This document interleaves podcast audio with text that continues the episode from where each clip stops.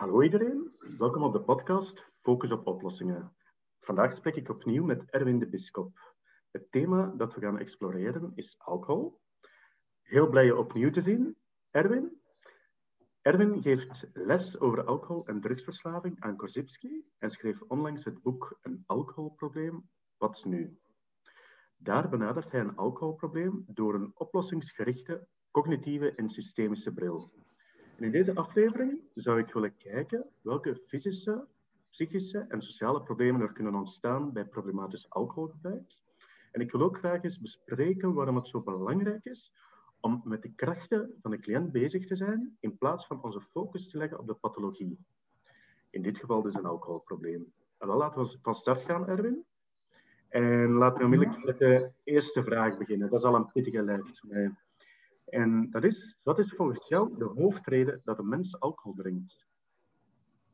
Maar ik denk, Frederik, dat de, door de eeuwen heen hebben de mensen altijd uh, middelen gezocht om, om voor een deel in een roestoestand te komen. Een beetje voor, de, voor van de werkelijkheid gemakkelijker aan te kunnen. En dat is niet van de hedendaagse tijd, dat is al door de eeuwen heen zo gegaan.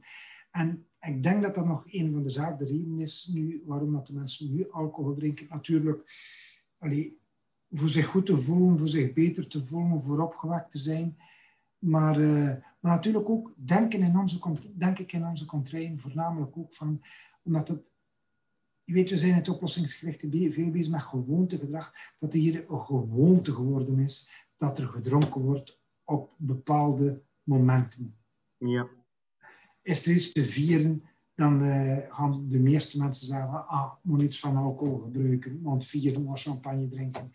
Uh, uh, hebben een goede prestatie geleverd en wat, hoe wordt dat gevierd? Met een glas wijn, met een glas champagne, met een glas bier. Mij gelijk wat.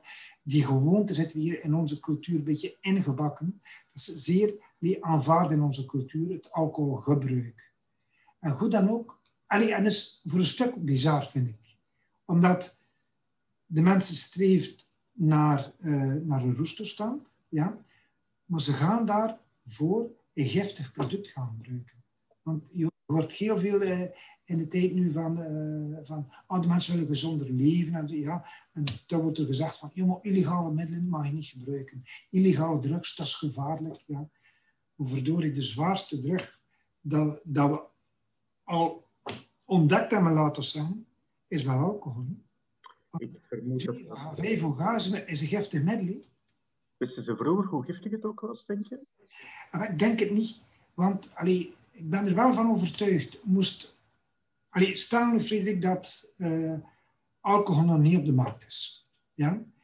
En wij staan onder een pruimenboom en de, de, de pruimen een beetje lang aan de boom blijven hangen eigenlijk. En het is er veel suiker in gekomen eigenlijk. En dat, dat valt naar beneden die pruimen eigenlijk. En we zeggen van, we zullen dat wel in de water doen eigenlijk. En de, bon, dat is bijna gisten. En, ja, als we hier van dat goedje drinken eigenlijk, voelen we ons toch een beetje beter. Het is te zeggen van, eh, we ontdekken C2H5OH, alcohol. Ah, wij gaan dat wel op de markt brengen.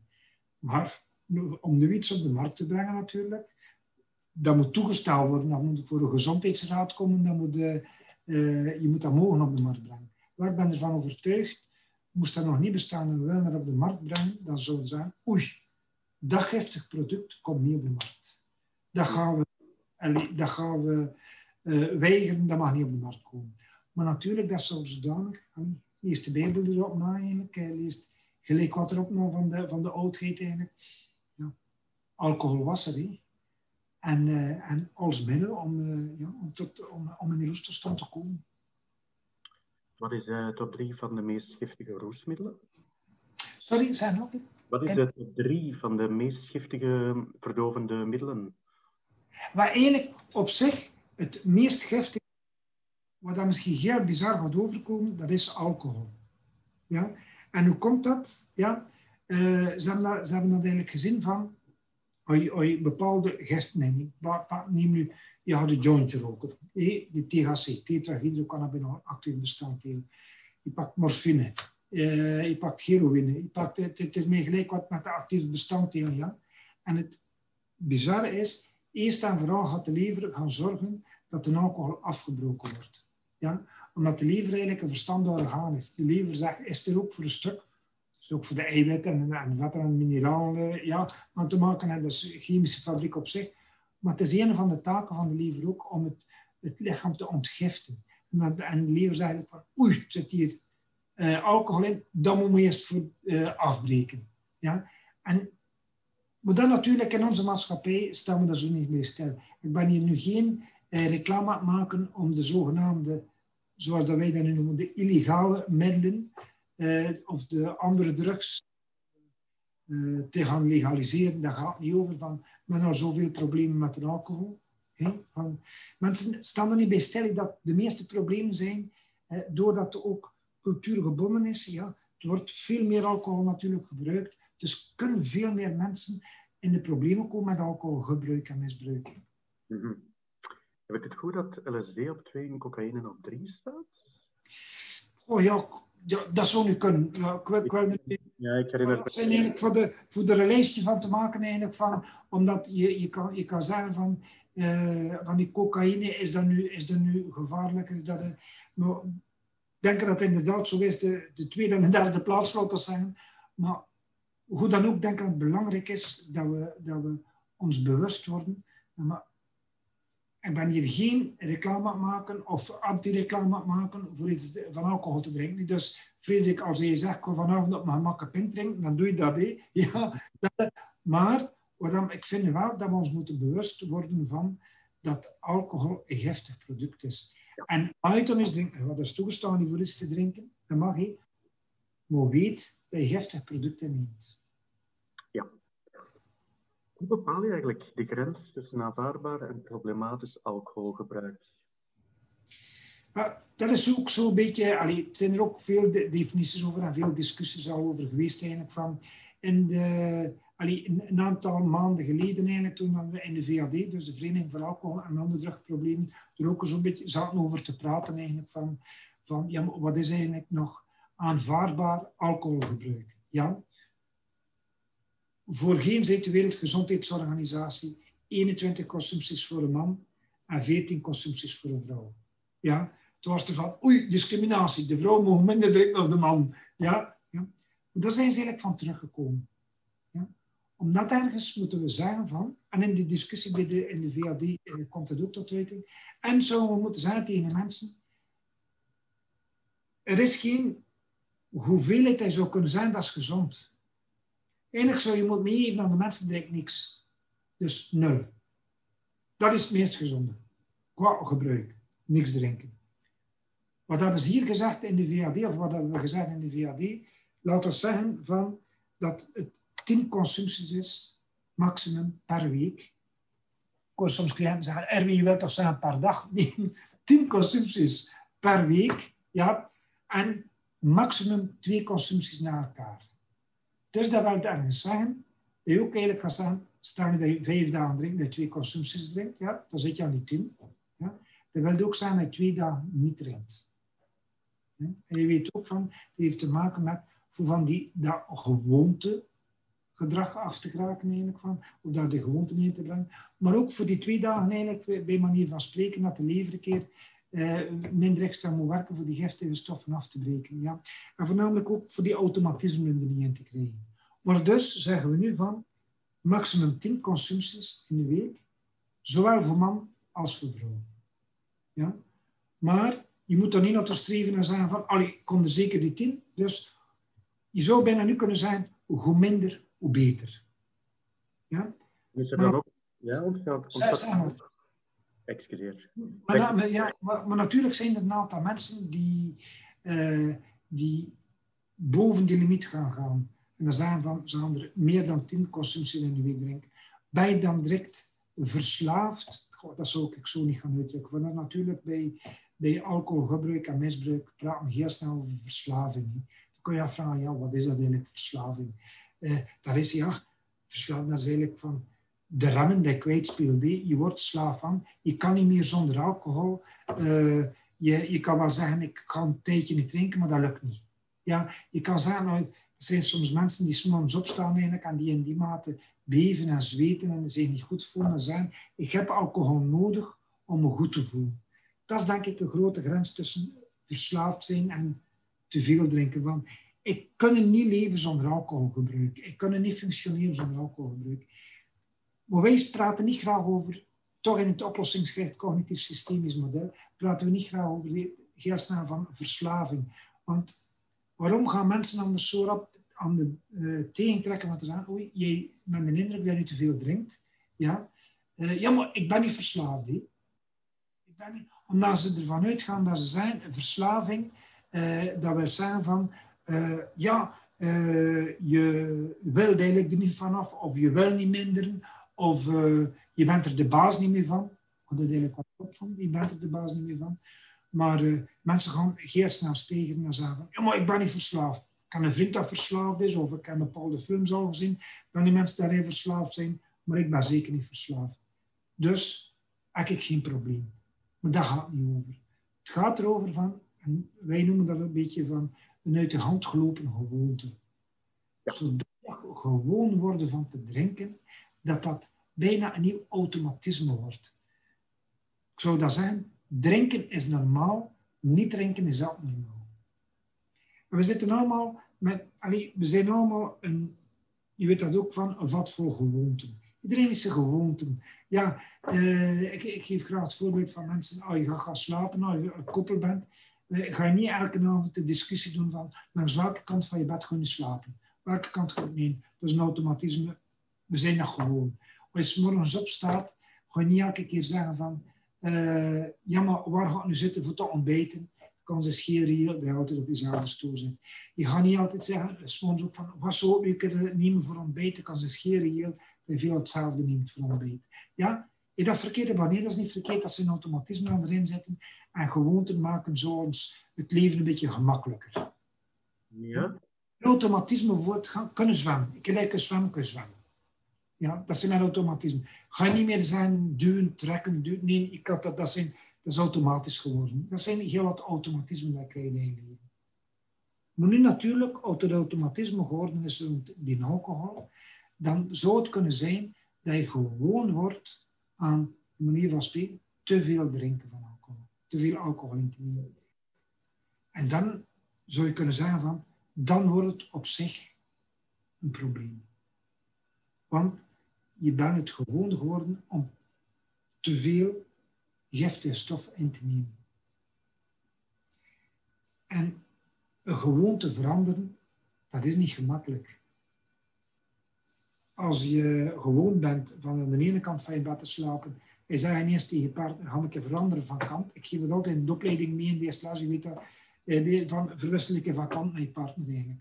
Maar voor therapeuten ook duidelijk te maken van, wat dan soms vragen aan cliënten, van grote veranderingen eh, aan te brengen, van uh, ik weet niet wat allemaal moeten doen van grote veranderingen. Ja. Maar doe het bij jezelf. Verander ik even kan in. Hoe moeilijk dat het is, hoe lastig het is. Zoveel mensen dan zeggen, hoe kan ik toch niet slapen? Want ik ben dan niet gewoon om weer aan de andere kant slapen. Maar die alcohol is juist hetzelfde. Dat is die gewoonte dat erin gekomen is. En dan gaat, dat is misschien wat de andere vraag van, gaat komen van, wat kunnen we doen aan ons alcoholgebruik of te veel drinken. Dat is gewoon een nieuwe gewoonte aanmaken. Een nieuwe gewoonte aanmaken van minder drinken. Een nieuwe gewoonte aanmaken van dat, er, dat we niet zoveel gaan drinken.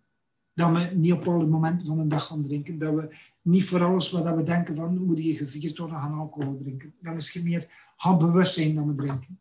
Van heel veel van het gebruik is ja, mensen dat zodanig gewoon zijn. En ze zijn zich daar bijna niet meer bewust van. Dus ik een pintje dat. Ik moet ik erop letten of veel mensen dan zeggen oh, ik drink graag een pintje. Mm Moet vragen aan de mensen aan een pintje. Dat wil zeggen dat je een klein beetje alcohol, uh, bier drinkt. Ja? Ah nee, nee, is gewoon een grote pint. Maar als ze spreken over een pintje, wil dat niet zeggen één pint over het algemeen. Het zijn een aantal. Mm Ja? En vandaar dat er... Uh, dus dat wil ik zeggen van die gewoonte. Het is normaal dat dat gedronken wordt. Moet ik naar een café gaan eigenlijk, kan ik... Uh, bij vrienden zitten en één pint drinken en, uh, en stoppen. Toen ik kijken wat voor reactie je kreeg van je vrienden. Ik kon zeggen, Erwin, jij geen rare vriend? Ik geloof het niet. Ja, je moet dan een kijken wat voor reactie je kreeg van je vrienden. Over het algemeen ga je zien van, ja, oeh, waarom ga je niet drinken? Zelfs, mij nog niet van, dat je zelfs eentje drinkt, maar moest je nu voornemen wat zeggen, kon ik niet drinken? Ja? Wat voor reactie je krijgen? waarom ga je niet drinken? Allee, ben je ziek misschien? Is er iets? Hij ruzie gemaakt thuis? Uh, hij eet zijn lever? Uh, moet je pillen nemen misschien? Van, je moet gaan verklaren waarom hij niet drinkt. Omgekeerd hoor ik dat niet. Je hoort toch niet zeggen van, van bijvoorbeeld van... Uh, je moet je voorstellen dat je in een café zit met vrienden en hij elke keer zegt in, waarom ga je nu alcohol drinken? Waarom ga je dat doen? Ja, de goede vriend kwijt zijn. Ik was eens hier van... Allee, ze zullen dat zeer lastig vinden. Dat is zeer uh, abnormaal. Dat je elke keer vraagt van waarom ga je nu alcohol drinken? Maar de vraag waarom drink je niet, doet zich zeer veel voor. Ja. En dat is juist de reden van... Ja, omdat dat een gewoonte geworden is. Ja, je zou dus kunnen zeggen dat problematisch alcoholgebruik een biologische, psychologische en een sociale gewoonte zeker, zeker. Wel, wel, voilà. In een gewoonte heb je zowel, dan we leerden van logos, pathos, ethos, oikos, van denken, handelen ja, en, uh, en de omgeving. Wel, in een, in een afhankelijkheidsprobleem zit zowel het lichamelijke, het geestelijke als het sociale aspect erin. En, en uh, die afhankelijkheid gaat natuurlijk je lichaam, mensen die afhankelijk zijn van alcohol, het, je lichaam gaat ook vragen naar de alcohol. Dus, dat ik daar straks zei, normaal is drinken, abnormaal is niet drinken. Dus je lichaam gaat, gaat bijna zeggen van, alleen, waar blijft een alcohol hier? Van om goed te functioneren heb ik alcohol nodig. Een, een, dagelijks bewegen bijvoorbeeld ook. Als je het dagelijks doet, gaat je lichaam daar ook bijna naar vragen. Zo, voilà. Ook, ja, op een... Voilà. Dus dat is het lichamelijke. Maar dat is natuurlijk... Allee, dat is niet in de eerste fase dat de mensen dat gaan ontdekken. Niet iedereen van, van anders zou je kunnen zeggen... Allee, iemand kan iets doen als alcohol... Of moet maar iets doen als alcoholgebruik... Wanneer dat hij die extreme... Wij noemen het ontwenningsverschijnselen heeft. Ja, die ontwenningsverschijnselen met beven, zweten... waarom spreek ik over zweten? Dat is niet een beetje transpireren, maar serieus zweten. Uh, serieus vochtverlies eigenlijk.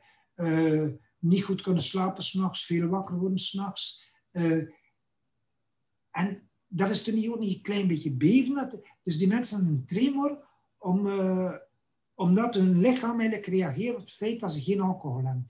Nemen ze wel alcohol in, dan stoppen ze met beven. Dan stopt dat. Dus die ontwenningsverschijnselen ontwennen. Dus doordat je niet onvoldoende alcohol inneemt, reageert je lichaam. En doordat je lichaam... Dus voet mooi te zeggen, eh, die afhankelijkheid waarin hij nu suggereert, dat is van, we geraken vast in een aantal, of die mensen zitten vast in een aantal visieuze cirkels. Ja?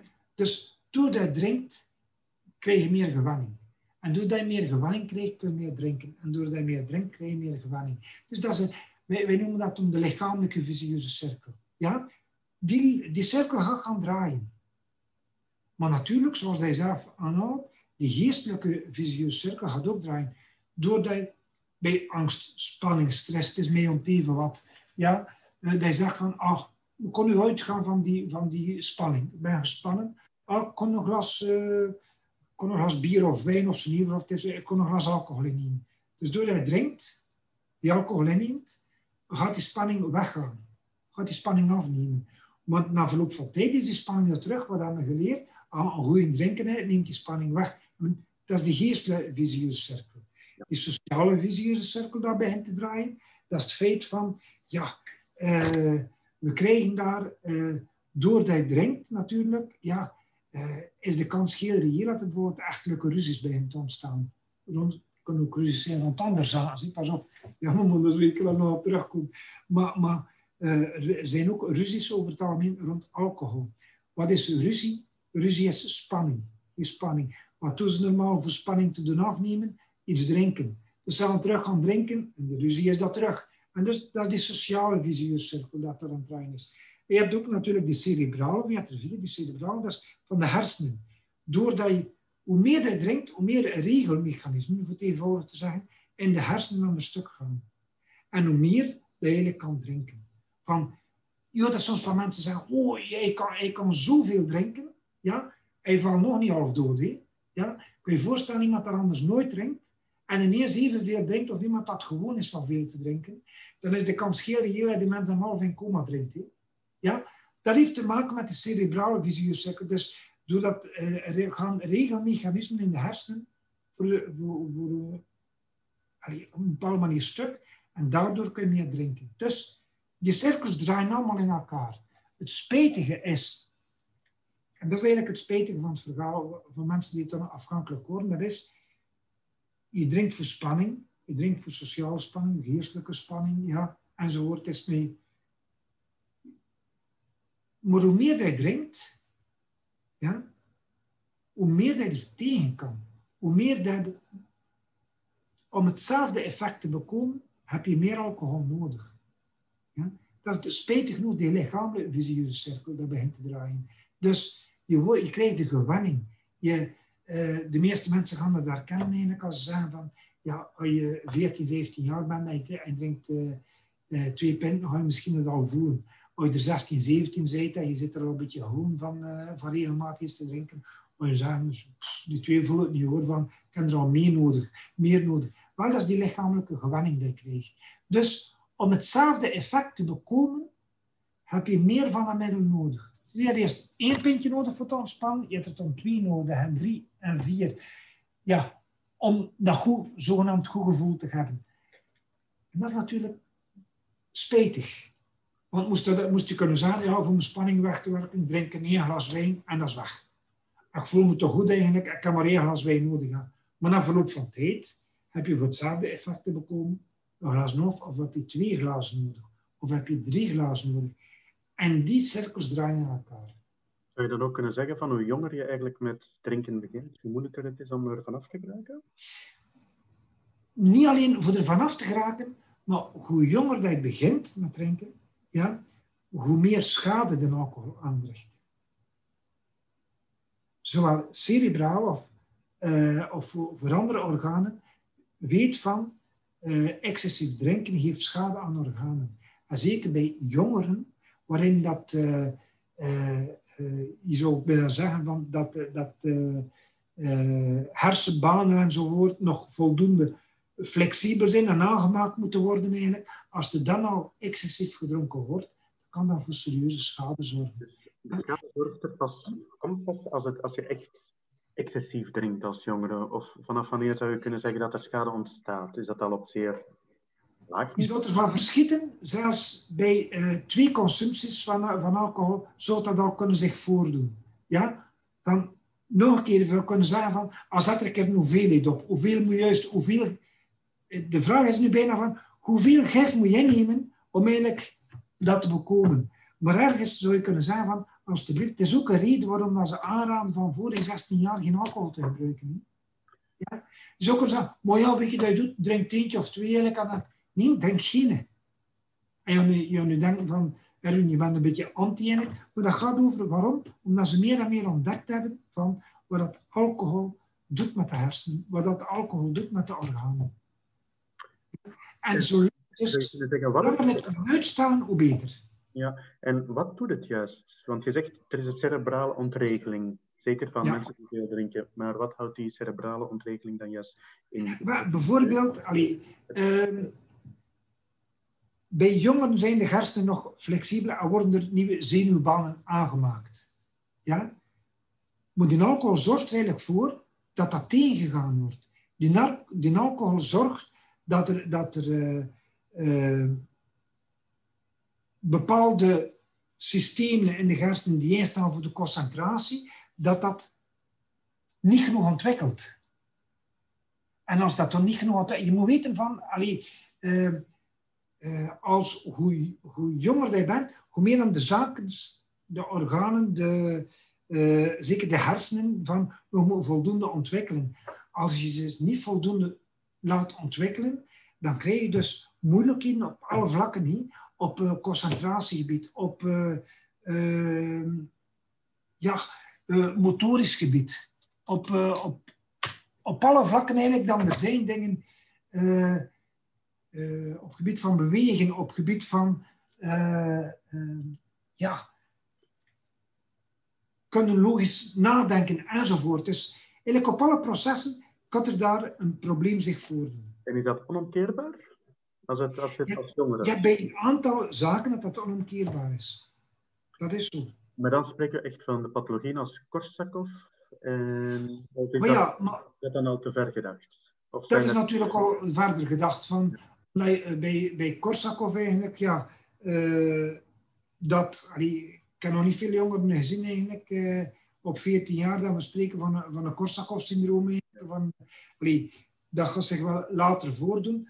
Maar wil ik maar zeggen van, het, kan zich voordoen, eh, eh, het kan le- eh, leerstoornissen geven bij jongeren eigenlijk. Kan, en, en dat is natuurlijk ook, en dat gaat niet over zeer grote hoeveelheden alcohol. Wij zou kunnen zeggen, maar dat zijn misschien maar de hoeveelheden alcohol dat een, eh, een, eh, een volwassene drinkt eigenlijk. Laten we iemand zeggen van 30 jaar eigenlijk. Eh, dat, oh die jongen, dat, moet- dat is nog aan het ontwikkelen. En alles dat nog ontwikkelt, moet je de vrijheid geven om te ontwikkelen. Mooi. En daarover gaat het. Natuurlijk, het Korsakoff-syndroom is van... eh, allee, ik wil ook kort uitleggen. Het Korsakoff-syndroom, dat is eigenlijk een... een eh, je zou bijna kunnen zeggen, een eindpunt van zeer zwaar excessief drinken. Dat is van dat de mensen beginnen confabuleren, dat de mensen beginnen eh, fantasieverhaaltjes vertellen. Maar dat is, bijna, dat, is, dat is bijna een vorm van dementie aan de mensen hebben. Ja? Dingen eh, vergeten, dingen, eh, maar voornamelijk, en dat is het typische eraan, zo van, dat ze ja, fantasieverhalen vertellen. Eh, dat je zegt van, maar dat klopt niet, misschien kan die mensen, eh, ja. En dat is natuurlijk een eindpunt in, in het proces. Dat is niet, eh, en dat is soms het probleem, dan zeg je, ja, maar ja, niet al de mensen aan te veel drinken, gaan een, Korsak, gaan een Korsakoff-syndroom geraken. Ja, en er zijn heel veel symptomen eigenlijk daarin. Dat is natuurlijk zo. Maar weet van, bij iemand met een Kors, dat een Korsakoff-syndroom heeft, dat is ook onomkeerbaar. Wat hij natuurlijk wel, en dat is een van de redenen waarom dan de, geneeskunde ervoor opteren voor, voor mensen die, zelfs eh, mensen die blijven drinken, voor heel veel vitamine B te geven. Vitamine, riboflavine en uh, cyanocobalamine eigenlijk van, uh, van veel vitamine B geven om, uh, om, de, ja, om dat proces een beetje tegen te houden. Ja? Maar dan natuurlijk, laten we zeggen, Korsakoff of, uh, uh, is, is eigenlijk bijna, bijna een eindpunt. Al is het dat je bij mensen van 40 uh, zie je dat soms al voorkomen. Hè? Maar die mensen kunnen om zes niet meer functioneren. Mhm. Dat is uh, dan, ja, je zou kunnen zeggen van, als je nog vroeger dat boek gelezen hebt van Jommeke, kaas met gaatjes eigenlijk. Nou, dat is eigenlijk zo, je bent kunnen zeggen dat de hersenen kaas met gaatjes geworden zijn. Dat, Letterlijk. Wat is? Letterlijk ook, als ik het goed heb begrepen. Letterlijk, ah, ja, maar je zegt letterlijk. Hè. Ja.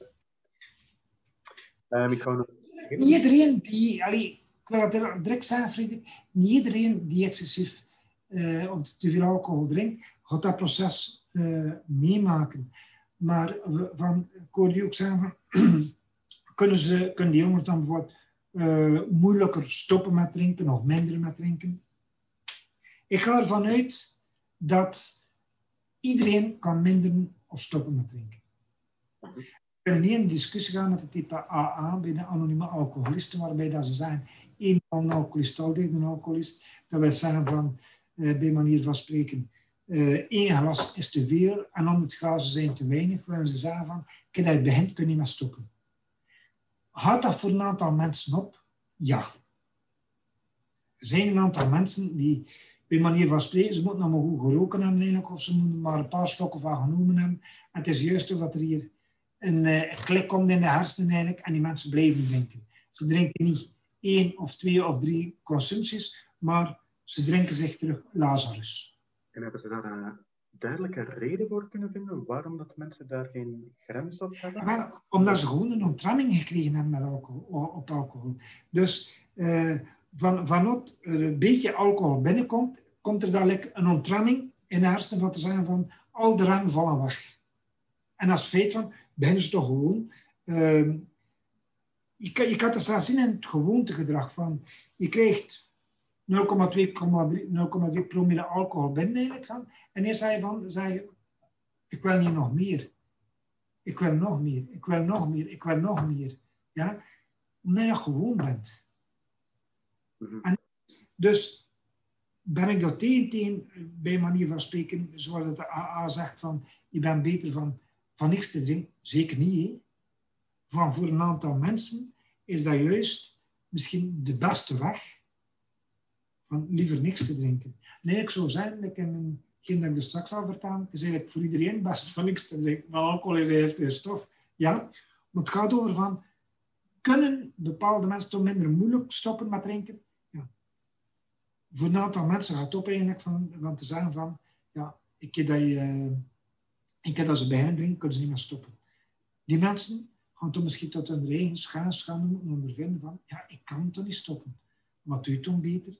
Maar ja, geen meer drinken. Volledig stoppen.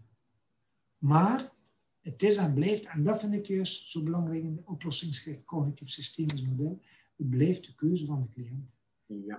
De cliënt dat gaat bepalen van, het blijft de mens zelf van, kijk, uh, ik ga je volledig stoppen. Ik kan dat moeilijk gaan opleggen. hoe meer dat je oplegt, hoe meer dat ze mensen kunnen tegentrekken. Vandaar dat ik zeg van, voor een aantal mensen gaat dat de beste oplossing zijn. Een aantal mensen gaan misschien eerst uh, kiezen voor de, voor de weg van ah, ik zou nog wel leren gecontroleerd gebruiken. Ja? Ik praat niet over sociaal drinken. Niet? Dus ik over gecontroleerd. Van, ja, sociaal drinken. Wat is dat sociaal drinken? Ja, dan zou je kunnen zeggen van... Ik ken mensen die zeggen, ik drink sociaal. Uh, elke dag tien pen, want wil ik dat niet drinken als ik op café, want dan ben ik asociaal. Ja? Wat wil ik zeggen met dat gecontroleerd drinken? Dat is van, ik heb controle over mijn drinken. Als ik zeg, kom twee consumpties drinken en stoppen, dan stop ik. Als ik zeg, kom drie keer drinken en stoppen, dan stop ik. Als ik zeg, kom vandaag geen drinken, dan drink ik vandaag geen. Dat wil zeggen, controle over hebben. Er zijn mensen die zeggen van, ja, ik wil nog een poging doen om te leren gecontroleerd gebruiken. En dan kun je ook samen op weg gaan met die mensen. Omdat het zelf... Het is belangrijk dat mensen zelf die keuze maken. Zou je puur procentueel gezien er een cijfer op kunnen plakken als mensen een keuze maken, ik ga matig, ik ga afbouwen met mijn drankgebruik of ik stop volledig, wat dat de verschillende slaagkansen zijn. Zijn er daar cijfers over? Maar wij hebben in een tijd hier nog een, uh, een onderzoek er rond gedaan eigenlijk van, en dat kwam dan ongeveer op een 50-50. Op een, uh, dus omdat wij in, in de aanpak ook zien van, de, mensen zelf bepalen, uh, wil je volledig stoppen met drinken in de toekomst, of wil je er nog een poging geven om te leren gecontroleerd gebruiken. Maar als we nu zijn dat 50% van de mensen uh, dan eerder kiest voor volledig te stoppen met drinken, ja, en dat een, een, een, een 30% zegt, of kunnen we eerst een ander 50% niet, en 50% zegt van, zou willen leren gecontroleerd gebruiken. Maar van die mensen die gecontroleerd gebruiken, ja, gaan er misschien 30% eh, of 35% eigenlijk van ineens zeggen, het gaat toch niet. Want ik begin toch iedere keer te veel te drinken. Ja? Maar zoals je ook ziet bij de mensen die eerst, uh, een poging doen om te zeggen, ik kan niks meer drinken, ik ga volledig stoppen met drinken, zijn er ook een aantal die zeggen, van, dat gaat niet, ik toch een poging doen om, uh, om te leren gecontroleerd gebruiken. Ja? En vandaar dat we, uh, wij, wij komen zo uit op een, op een geslaagde cijfer van een 70%. Ja? Dus, maar als ik spreek over een geslaagde 70 van 70% dan wil ik niet zeggen van, eh, dat die mensen allemaal stoppen met drinken volledig. Of dat die mensen allemaal gecontroleerd gebruiken. Geslaagd voor ons is van, wat zijn de doelstellingen van de cliënt? Wat zijn de doelstellingen van de gezinsleden? Ja? Wat, zijn nog, zoal nog andere doelstellingen van de cliënt zelf naast het um, alcoholgebruik? Maar, dat is, het is goed dat je die vraag stelt eigenlijk van, van, van uh, uh, hoe gaan we het aanpakken eigenlijk? Of, of uh, is gecontroleerd gebruik uh, mogelijk? Maar je moet weten van, wij gaan er een beetje vanuit in, in het cognitief systemisch model van, elke cliënt dat bij ons komt, en die zegt van, ja, ik kan er een moeilijkheid mee of ik kan er een probleem mee, ja, um, geeft op zich, zoeken wij achter een soort existentiële doelstelling. Het is te zijn bijvoorbeeld van, ja, oh ja, uh, ik zou willen uh, in de toekomst terug een goede huisvader zijn. Of ik zou willen in de toekomst een goede huismoeder zijn. Ik zou willen terug een beetje uh, goed leven. Ik zou terug willen uh, goed omgaan met mijn kinderen, enzovoort. Ik maak een beetje de existentiële doelstelling. Waar wil ik naartoe? Maar dan gaan wij heel snel gaan van, en wat zou er nodig zijn om een gelukkiger leven te hebben? Wat zou er nodig zijn om een goede huisvader te zijn? Ja? Wel, een goede huisvader gaat hoogstwaarschijnlijk werken om zijn kinderen eten en drinken te geven. Een goede huisvader gaat hoogstwaarschijnlijk regelmatig spelen met zijn kinderen. Een goede huisvader gaat er zijn als het kinderen het moeilijk hebben. Een goede huisvader gaat er zijn als zijn partner het moeilijk heeft. Enzovoort. Dus over het ik zou bijna zeggen, cliënt per cliënt gaat dat misschien uh, gaat dat allemaal ingevuld worden. Niet?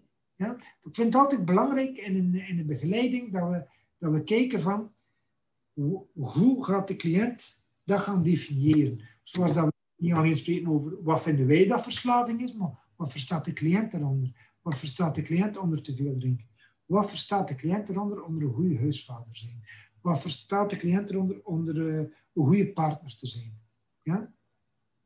Als we dat kunnen, dan allee, oplezen zou ik binnen kunnen zeggen.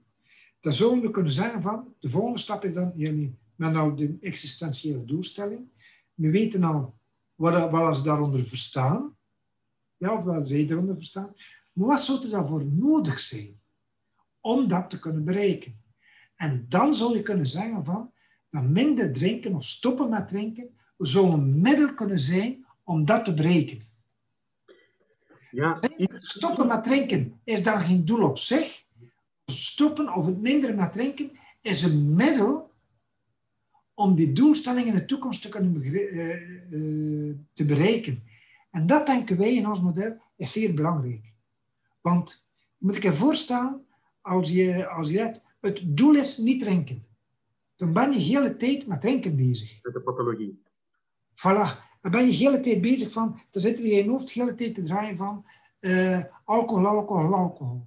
Als ik tegen jou zeg, je mag uh, niet denken aan een roosnolie van de pro-schaatsen, dan zie je hem bijna passeren. Dus, uh, dus over, over een seconde geleden heb ik dat niet gezegd tegen u en dat was het wat je gedacht. Doordat ik dat nu gezegd heb, had dat door je hoofd. Roosnolie van de pro-schaatsen. Ja. En dat vind ik belangrijk ook, van, dat ik kan zeggen van, we moeten niet de hele tijd die concentratie daarop gaan zijn.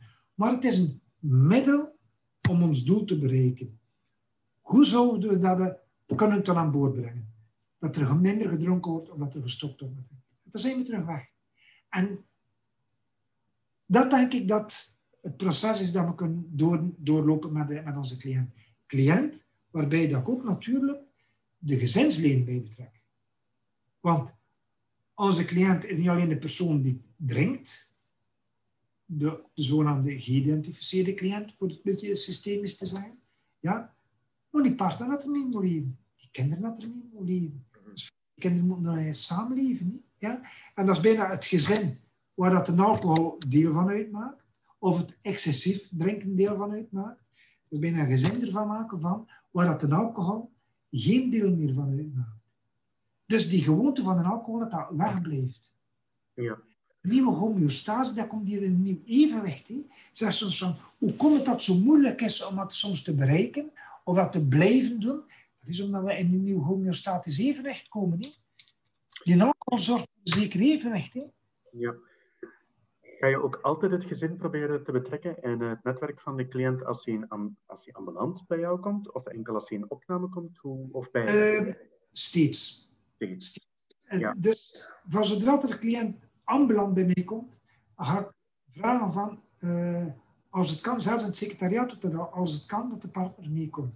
Dat moet niet, hè?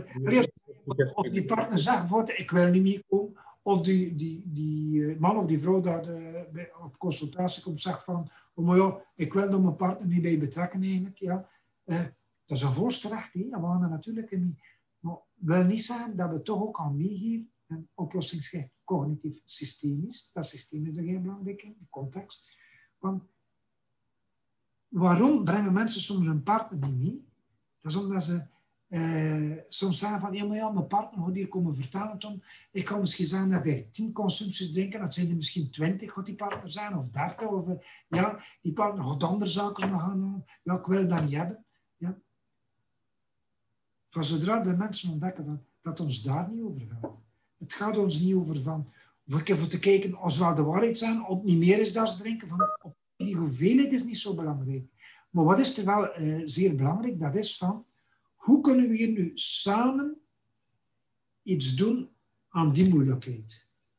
Hoe kunnen we samen ervoor kijken dat vader een betere huisvader wordt? Hoe kunnen we er samen voor kijken dat moeder een betere huismoeder wordt? Hoe kunnen we er samen voor kijken dat... Hoe kunnen we samen, ik zou bijna zeggen, vechten tegen die alcohol? Hoe kunnen we samen... En natuurlijk die partner. Zij drinkt niet, of jij drinkt niet.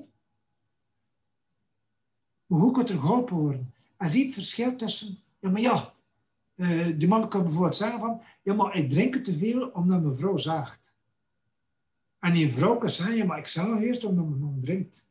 Mm En dan gaat het erover van, wie deed hier nu gelijk? He? Heeft die vrouw gelijk dat ze zegt, ja, ik zag nu dat mijn man zo drinkt eigenlijk. Ja. En nu is die man gelijk omdat hij zegt van, ja, maar ik drink eerst zoveel omdat ik een vrouw en dat ze zoveel zaagt. Ja. Op zich gaat daar niet over. Ik denk dat het belangrijk is dat we eerst naar de mensen kunnen duidelijk maken van, daar gaat het over van, hoe kunnen we er samen uitgeraken? Hoe kunnen we hier samen kijken om die alcohol, eh, om terug de baas te worden, laten zijn van alcohol. Om die alcohol uit onze gezinscontext te houden, dat pathologisch gebruik. En wat voor soort van vragen zijn dan heel zinvol als oplossingsgericht therapeut om te stellen aan een gezin, aan een partner bijvoorbeeld, of aan een familie die meekomt? Ah, uh, iets dat heel snel gesteld worden is van aan de cliënt zelf, voor de, dat we nu vanuit gaan van de geïdentificeerde cliënt, dat er voor je zit eigenlijk, dat zei ik drink te veel, ja, ja, heel snel zijn. Op welke momenten heb je de alcohol meer onder controle? Een uitzonderingsvraag. Dat zijn de zogenaamde uitzonderingsvragen. Ja. Bij manier van spreken, wanneer drink je niet? Mensen kijken van heel raar op. Van, ja, maar Erwin, ik kom hier eerst vertellen. Ik kom hier voor mijn alcoholprobleem ook eigenlijk van. En, en mensen willen eerst vertellen hoeveel dat ze drinken, en waar ze drinken, en hoe zat dat ze geweest zijn. En hoe, ja, maar ik kijken soms te vergaan. Dat mensen vertellen tegen elkaar, ik was zo dronken eigenlijk. Ik kan, dat is, ja. Ze zijn altijd maar met het probleem bezig zelf. Dus weer, ja. Mensen praten er gemakkelijk over. Hè. Maar als je na zes minuten, mensen mogen na zes minuten vertellen van mij. Maar, omdat dat je er een beetje contact met de mensen krijgt. Toch ook heel snel gaan vragen van, ah, wanneer drink je niet? Die vraag is dan de vraag van, van uh, welke vragen je staan. Dat is een van de belangrijke vragen. Wanneer drink je niet? Ik drink altijd. Dat mag je niet geloven. Mensen drinken niet altijd. Misschien bepaalde mensen dat ze s'nachts niet drinken. En er misschien mensen die ook s'nachts drinken. Ja, hm? maak dan een tijdslijn op. Van, vertel me een keer wanneer dat je wel drinkt. En tot wanneer je drinkt. Mhm. Wanneer drink je niet? Of, gaat dat zelfs niet, wanneer drink je een beetje minder? Ik ben ervan overtuigd, bij elke cliënt zie je uitzonderingen. En dat zijn de interessante zaken. Van, ah, dat is het moment dat je minder drinkt. Wat doe je daarvoor? Veel weten dan in het begin niet. Maar het is interessant van die vraag te stellen. Wat doe je daarvoor om minder te drinken? Ik zou het niet weten, maar dat is misschien interessant voor dat bij stil te staan. Wat eigenlijk, hoe dat komt, wat hij hier doet, dat je toch minder drinkt. En waarom? Waar ik Belangrijk ook, wie is er bij u? Uh Als je drinkt. En dat zijn we er, van wie is dan bij u? En wat doet die persoon dan om u te helpen dat jij minder drinkt? En wat zou die persoon nog meer kunnen doen om ervoor te zorgen dat jij minder drinkt? Mhm. En wie is die persoon? De kans is reëel dat we toen ook al met door te vragen bij de partner gaan. Wat zou die partner kunnen anders doen dat, uh, dat, uh, dat ze je kan helpen uh, minder te drinken? Wat zou jij kunnen doen naar je partner toe om haar te kunnen helpen jou beter te helpen? Zie dat interactioneel komen? En dan kunnen ze samen kijken van hoe kunnen we hier samen uitgeraken in plaats dat ze beginnen zoeken van of blijven zoeken van wie is hier nu schuld? Wie is de schuld is dat hier nu? Ja. Met wie uh, eruit te komen van wie de schuld dat is, over het algemeen is dat nog niet opgelost. Of verder van, als we samen kunnen kijken van hoe kunnen we hier, of hoe kunnen we samenwerken om daaruit te geraken, ja, dan ben je ook contextueel bezig. Dan ben je ook met gezin bezig. Dan, en, en dan gaat dat heel vlot, dus met die uitzonderingsvragen. Dan, dan ga je heel snel schaalvragen gaan stellen. Schaalvragen van hoe moeilijk was het om hier nu uh, minder te drinken? Tussen 0 en 10. 0, het was niet moeilijk. 10, het was tamelijk moeilijk eigenlijk om dat glas te laten staan. Maar dan ga je al gaan differentiëren. Dan ga je al gaan... Het is niet alles of niks. Het is niet craving, dus ik drink. Het is niet, ik heb goesting naar alcohol, dus ik drink een alcohol. Nee. Het is niet 0 of 1. Het is meer gedifferentieerd.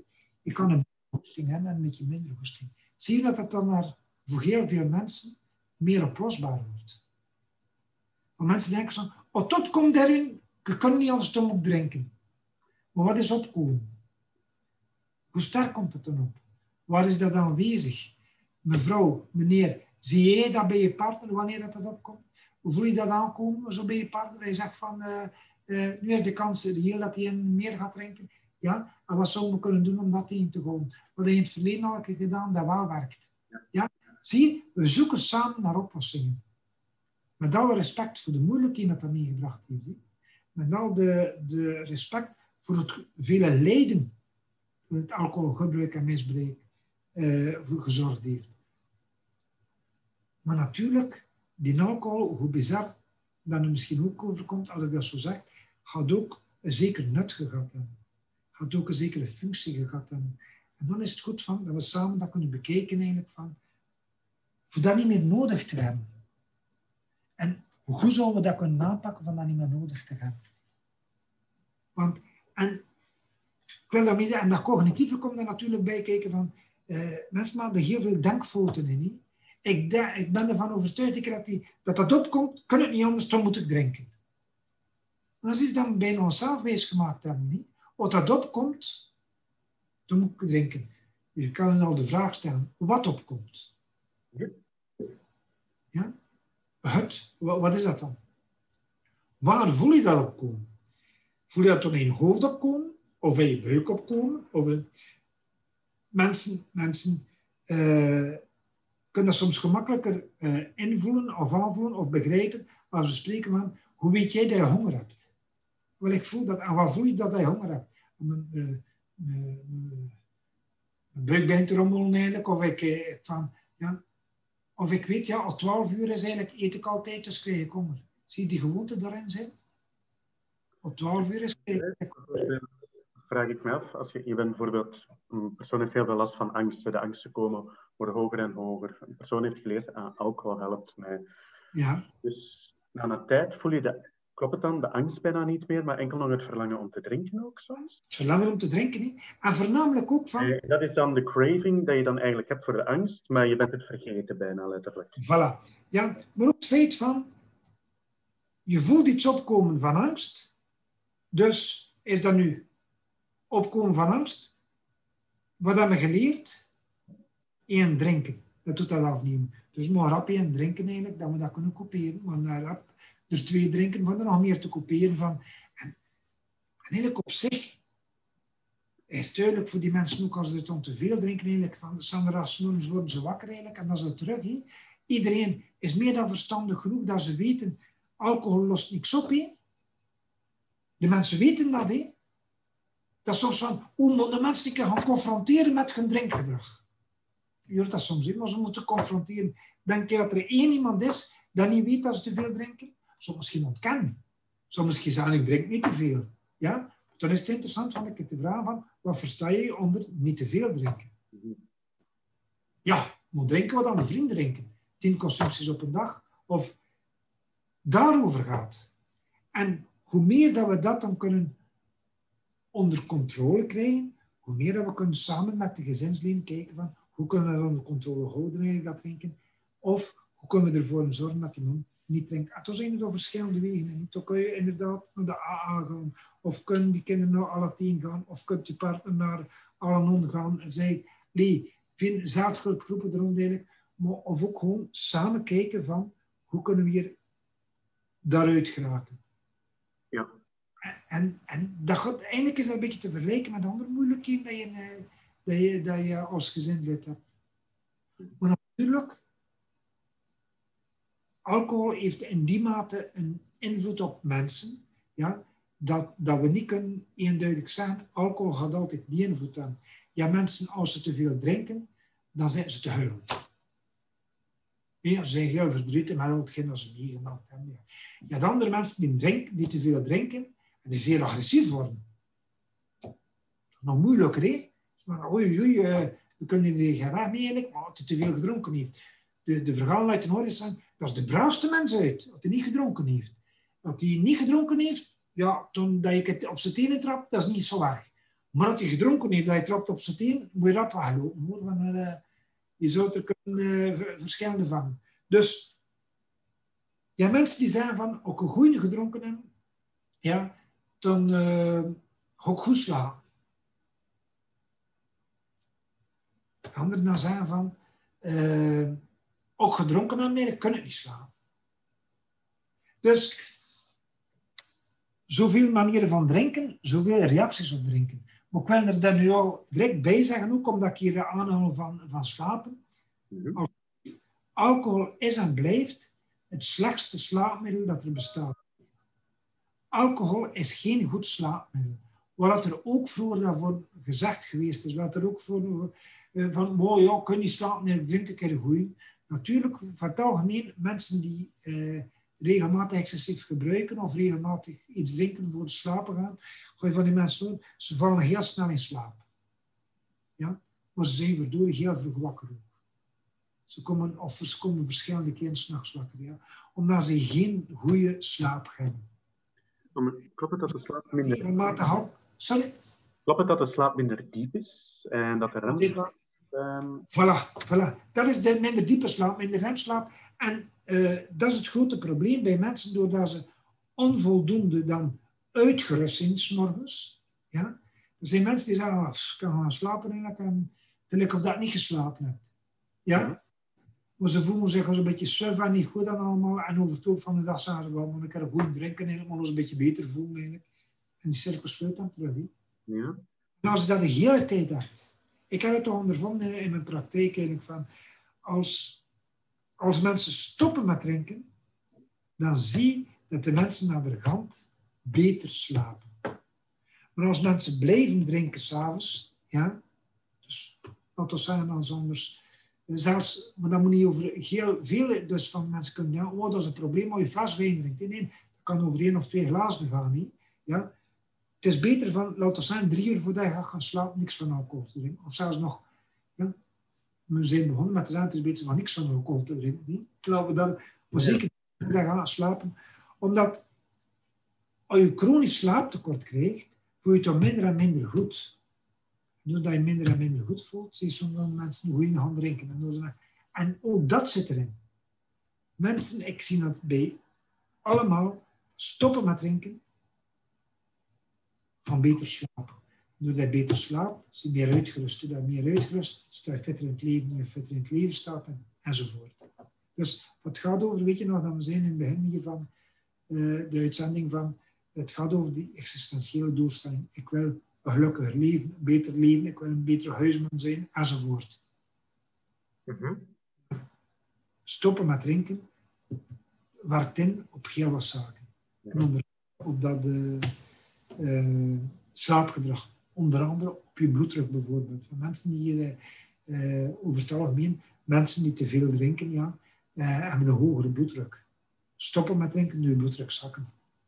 Dus voor jou, bij mij, voor iedereen. Ja. En dat denk ik is belangrijk dat mensen dat ook meekrijgen. Maar nog een keer, zoals dat we er straks zijn van, eh, pardon, het is een gewoontegedrag. Hè. Ja. Gewoontegedrag is toch, het is een gewoontegedrag voor jezelf, voor de persoon dat drinkt, maar het is een gewoontegedrag voor de omgeving, hè. voor de partner, voor de kinderen, maar ook voor, voor familie, vrienden. Hè.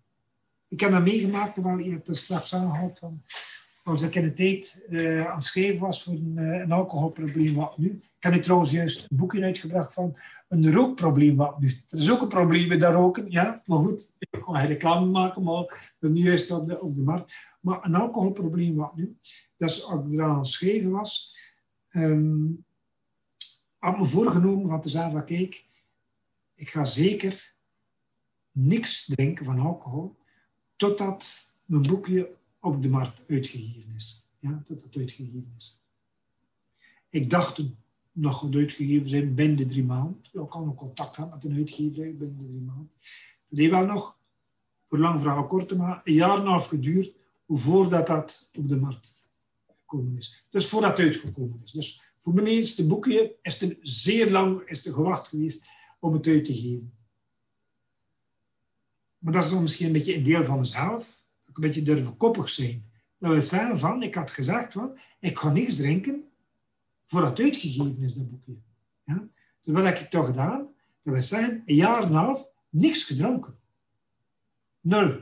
Dat is uh, tournee mineraal, maar 16 hè? Dus, of, ja, wat, ja, 18. Dus 18 man. Ja? Dus een jaar en een half niks gedronken. Op dat moment, en ik had natuurlijk al veel ervaring dan van, uh, met werken met mensen met een alcoholprobleem, heb ik ongelooflijk nog veel geleerd. Uh, hoe dat alcohol in de maatschappij eigenlijk getolereerd wordt en hoe dat ermee omgegaan wordt. Op welke manier? Zeer veel lessen uitgetrokken. Daar is bijvoorbeeld van, ga mijn vriend naar het voetbal, ja, en je weet, ik ben een fervent supporter van Cercle Brugge, de beste ploeg van Brugge eigenlijk, ja. Ik zeg beste ploeg van Brugge, dat nu maar zijn laatste staat, maar goed, ja. Je gaat naar Ginter en je zou zeggen, ja, veel moeten drinken eigenlijk voor je verdriet te verdrinken, maar ze verliezen veel. Dat is een van de punten. Ja. Maar mijn vrienden dan na het voetbal nog het wat gaan drinken. Ja, ik ga geen alcohol drinken, geen pintje voor mij. Heer, waarom ga je geen pintje drinken eigenlijk? En, zie ziek misschien eigenlijk? Uh, voel je niet goed? Nee, nee, ik ga niet drinken eigenlijk. Mag eruit leggen, maar dan naar goed. Dat doet raar. Voor hen. Zij drinken niets en jij zegt van, ik moet niks gaan doen. Maar collega's hier, iets gaan drinken na het werk. Ja, heel aangename collega's, vrij toffe mensen. Ja. Uh, ah, en wat ga jij drinken? In? Ah, ik ga een cola drinken, of uh, fruitsap drinken, of spuitwater drinken. Allee, waarom ga je geen spuitwater drinken? De reacties die ik daarop gekregen heb, was ongelooflijk. Ga, niet thuis bij een psychiater. Ja? Nee, nee, ik ga geen alcohol drinken. Allee, je nou zo'n goed weetje, nee, ik kan vlees glaasje eigenlijk. Nee, nee, ik kon, uh, kon niet drinken van dus mensen die zelf in de branche zitten, bij manier van spreken, en heel toffe mensen, heel vriendelijke mensen, en zeker niet mensen van, dat van slechte wil zijn, verre van. Maar toch is dat zodanig geïntegreerd, dat alcoholgebruik, dat en dat werd ongelooflijk lastig voor mezelf. In die mate zei, van, ik kon niet meer van zo'n terug over zagen. Ik kon niet weggaan van zo'n terug over zagen, eigenlijk over waarom dat niet drinkt. En dan is er bij mij opgekomen van, maar dat is toch raar dat er altijd gevraagd wordt, waarom drink je niet? En dat er nooit gevraagd wordt aan andere mensen van, waarom drink je wel? Ik wil exact dezelfde vraag stellen, ja. Ja, ja van, doe dat maar een keer met mensen weggaan en je bent toch eerst de tijd de, de vraag te stellen van, alleen waarom ga je niet drinken? Waarom drink je bier? En waarom drink je wijn? En waarom dat... Ja. avond worden. Je ziet het tegendeel ook wel, hè? bij mensen die dan verslaafd zijn. Daar zeggen ze voortdurend, je zou wat minder moeten drinken. Voilà. Maar dat is het, een beetje het bizarre. Van, doordat dat er heel snel op, bij een, uh, een alcoholprobleem de term verslaving opgekleefd wordt, denken veel mensen, maar ik heb geen probleem. Mhm. Ik ben niet verslaafd. Als ik stop met drinken, als ik, ga ik geen delirium tremens doen. Als ik stop met drinken, uh, zelfs enkele dagen, ga ik geen uh, epileptisch toeval doen. Als ik stop met drinken, uh, ga ik niet heel veel beven en zwieten of zelfs lichamelijk heel, over heel mijn lijf trillen eigenlijk. Dus ik ga geen ontwenningsverschijnselen doen. Dus ik ben niet verslaafd, ik heb daar geen probleem mee. En dat is denk ik een groot misverstand. En dat is, daarom de verslaving gesproken wordt. Ik, ik vergelijk dat soms met, als er iemand iets cardiaals heeft, als een hart heeft, dan ga je als verpleegkundige of als chemie of als uh, hulpverlener, dat geen arts is, toch niet gaan zeggen, ah, je hebt een hartinfarct en dat is aan het gebeuren in je hart eigenlijk. Of je... Nee, dat is een diagnose dat gesteld wordt van een arts. Ja, die moet naar een cardioloog sturen en zeggen van, gekeken, wat is er nu aan het gebeuren met de hart? Het kan daar onderzoeken gebeuren en dan kan die arts een diagnose stellen wat er met de hart aan het gebeuren is. Datzelfde bij pneumoloog, bij longarts. Maar dan bij alcohol is dat ook zo. Heel snel gepraat, ach, dat is zo leuk, zelfs een werkgever dat kunnen doen. Ja, maar ja, jij hebt een probleem met alcohol, jij bent verslaafd. Laat ons verslaving, die, die diagnose overlaten aan de psychiater, aan de huisarts. Dat de, laat hen die diagnose bepalen. Wij als leken of gewoon als, voor met mensen om te gaan van, moeten niet zo snel met die term verslaving gaan praten. Van, als je bij hulpverleners ESL-training gevolgd, Frederik, als je uh, aan 40 mensen, aan 40 hulpverleners vraagt, wat versta jij onder verslaving, je misschien 40 andere definities krijgen. Vandaar dat het juist zo belangrijk is in onze begeleiding, dat we zeggen van, luister eerst naar die mensen ga niet zo snel gaan praten over, of die suggestie heeft dan niet over verslaving. Iemand dat zegt, ja, maar ik moet er niks aan doen, want ik ben niet verslaafd. Wel, die mensen zijn misschien gelijk. Mm Dat zijn misschien groot gelijk. Hij is niet verslaafd. Als de cliënt dat al hoort van, ah, mijn hulpverlener zegt dat ik misschien wel gelijk, omdat ik misschien wel niet verslaafd ben. Maar dat wil ervoor niet zijn dat er geen probleem is met een alcohol. Ja. Dat wil ervoor niet zijn dat ik misschien niet te veel drink. Dat wil ervoor niet zijn dat ik misschien uh, uh, zo beter minder met drinken. Je kan een probleem hebben met een alcohol, maar toch niet verslaafd zijn. En dat is denk ik de essentie ook van de, uh, van oplossingsgerichte cognitieve systemische aanpak. Van wat wil de cliënt? Wat zijn de doelstellingen van de cliënt? Welke keuze maakt de cliënt? En we moeten niet direct daar iets van verslaving op gaan praten, want zelfs in het algemeen. Mensen gaan heel snel gaan zeggen als je vraagt van, wat is het, vraagt dan een kind zelfs van, wat is het probleem met, de, met alcohol? Verslaving. Maar je hebt mensen die een auto-ongeval krijgen onder invloed van alcohol, dat misschien uh, nog maar een week aan het drinken zijn. Is heel moeilijk voor te zeggen dat die mensen verslaafd zijn. Of mensen die niet gewoon zijn van drinken. En dan ineens drie glazen wijn drinken met een auto rijden en nog een hebben. Het kan niet zijn dat die mensen verslaafd zijn. Mensen die niet gewoon zijn van drinken en ineens een fles whisky drinken. Ja, nooit dronken en ineens een fles whisky uitdrinken. Ja, en dan, dan, dan in, een coma terechtkomen en eraan sterven. Die mensen kunnen niet zijn dat ze verslaafd zijn. Enzovoort, enzovoort. Uh, jongeren die, uh, ik weet niet goed studeren eigenlijk, van als nou, ja man, nu kan vierde examens afgelopen en we zijn voor alles geslaagd. En, man, en ze gaan ineens excessief alcohol gebruiken en dan bijvoorbeeld de pathologische alcoholroes doen. Die jongeren zijn niet verslaafd aan alcohol. Maar ze kunnen verdorie een serieus probleem hebben met die pathologische alcoholroes. Wil ik maar meegeven van, het gaat niet alleen over verslaving. Er zijn heel wat andere moeilijkheden. Ja? Dus als we daar al van wegblijven, van te snel met die namen te kloppen van verslaving, laat dat over aan de specialisten, laat dat over aan de geneesgieren, van, uh, of de psycholoog van uh, verslaafd of niet verslaafd. Het gaat erover van, heb je er moeilijkheid mee? Heb je er last mee? Zijn er momenten dat het in het gezin moeilijk is met die alcohol? Hebben anderen er moeilijkheden mee? Mm je dat moeilijker onder controle houden? Toen is het een moeilijkheid. En we moeten mensen niet gaan beschuldigen van verslaving. Want dat op zich geen schande is, maar ze voelen zich beschuldigd. Maar wat gaan we daar nu mee gaan doen? En is het even essentieel van stil te staan bij, ik noem het dan stilstaan bij gezondheid. Van wat zijn wel de kwaliteiten van die mens? Wat, zijn, wat doet die mens wel nog goed in het leven? Wat zijn wel de mogelijkheden nog van die mens? Ja? Want hoe meer dat we gaan te weten komen over de kwaliteit van die mens, of over wat dat gezond nog functioneert bij die persoon, ja, hoe meer dat we daarvan gaan kunnen gebruik maken om die moeilijkheden met een alcohol te doen afnemen. Ja.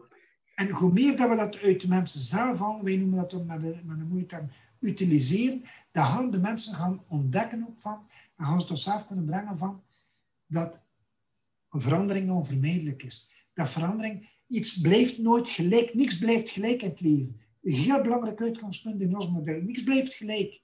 Alles verandert. Het kan in de goede zin ook veranderen. Van, oh, dat is al jaren zo, Erwin, ik kan er nooit vanaf gaan. Niks blijft gelijk. vandaag is anders dan gisteren. En als dan de mensen kan meenemen en in de toekomst laten gaan, ja, dat is ons model. Dat is een beetje hetzelfde bijna, ik vergelijk dat bijna hetzelfde met, uh, wij spreken ook van probleem en beperking. Een beperking, dat is eigenlijk al hetgeen dat er gebeurd is, dat, dat die persoon, ik zou bijna zeggen, meegemaakt heeft met zijn excessief drinken in het verleden. Spijtig genoeg gaan we daar niks meer kunnen veranderen. Dat is gebeurd. Maar dan we wel kunnen zeggen van, wat gaan we in de toekomst doen? Hoe gaan we het aanpakken in de toekomst? En een beetje uh, ons systeem van probleem en beperking is eigenlijk bijna hetzelfde zoals dat ze bij de eerste stap in de AA zetten. Van, ben een groot voorstander van een anonieme alcoholist. Vergeet dat niet. Dat is uh, heel goed werk gedaan. Ja? Maar bijvoorbeeld Nieboer in, in zijn uh, verhaal, ik heb dat lezen in mijn boekje ook eigenlijk van, je gaat ervan uit dat hij zegt, zoals dat ze soms zijn in de eerste stap, hoe dat ze ook God uh, bekijken eigenlijk, van, maar zelfs los van God, van God, hem de kalmte om de zaken die ik niet kan veranderen, te aanvaarden. Geef me moed om de zaken die ik kan veranderen, te veranderen. En geef me de wijsheid om het onderscheid tussen de twee te kennen. En dat is een schoolvoorbeeld van probleem en beperking. Dat is van, zelfs dat ik niet kan veranderen, ga moeten leren aanvaarden. Zaken dat kan veranderen, ja, toch belangrijk zijn de moed hebben voor die zaken te veranderen. Dus dan kan ik een aantal zaken goed maken om mijn gezinsleven. Dan kan ik eh, moet maken dat dat uh, niet gebeurd is, dat is gebeurd. Dat die periode dat je te veel gedronken hebt, dat is. En dat je nog kwaad zijn daarvoor op jezelf, zoveel of dat je wil, je had er niet veel kunnen veranderen. Dat is gebeurd. Maar waar wil je wel naartoe? Wat zou je wel kunnen doen voor je gezinsleven om een aantal zaken goed te maken? Om een aantal zaken terug aan te pakken van en dat is toch niet problemen oplossen. Probleem kun je oplossen. En beperking, ja, moet je leren aanvaarden. En hoe meer dat we daarmee bezig zijn, op die manier krijg je een goede alliantie met je cliënt, een goed contact met je cliënt.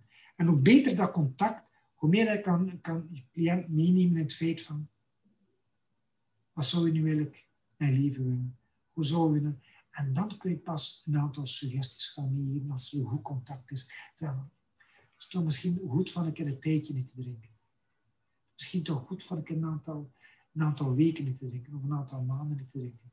Of je orgaan een beetje tot zichzelf te laten komen. Voor een keer te kijken wat je, eh, dat je weer frisser in het leven staat. Enzovoort.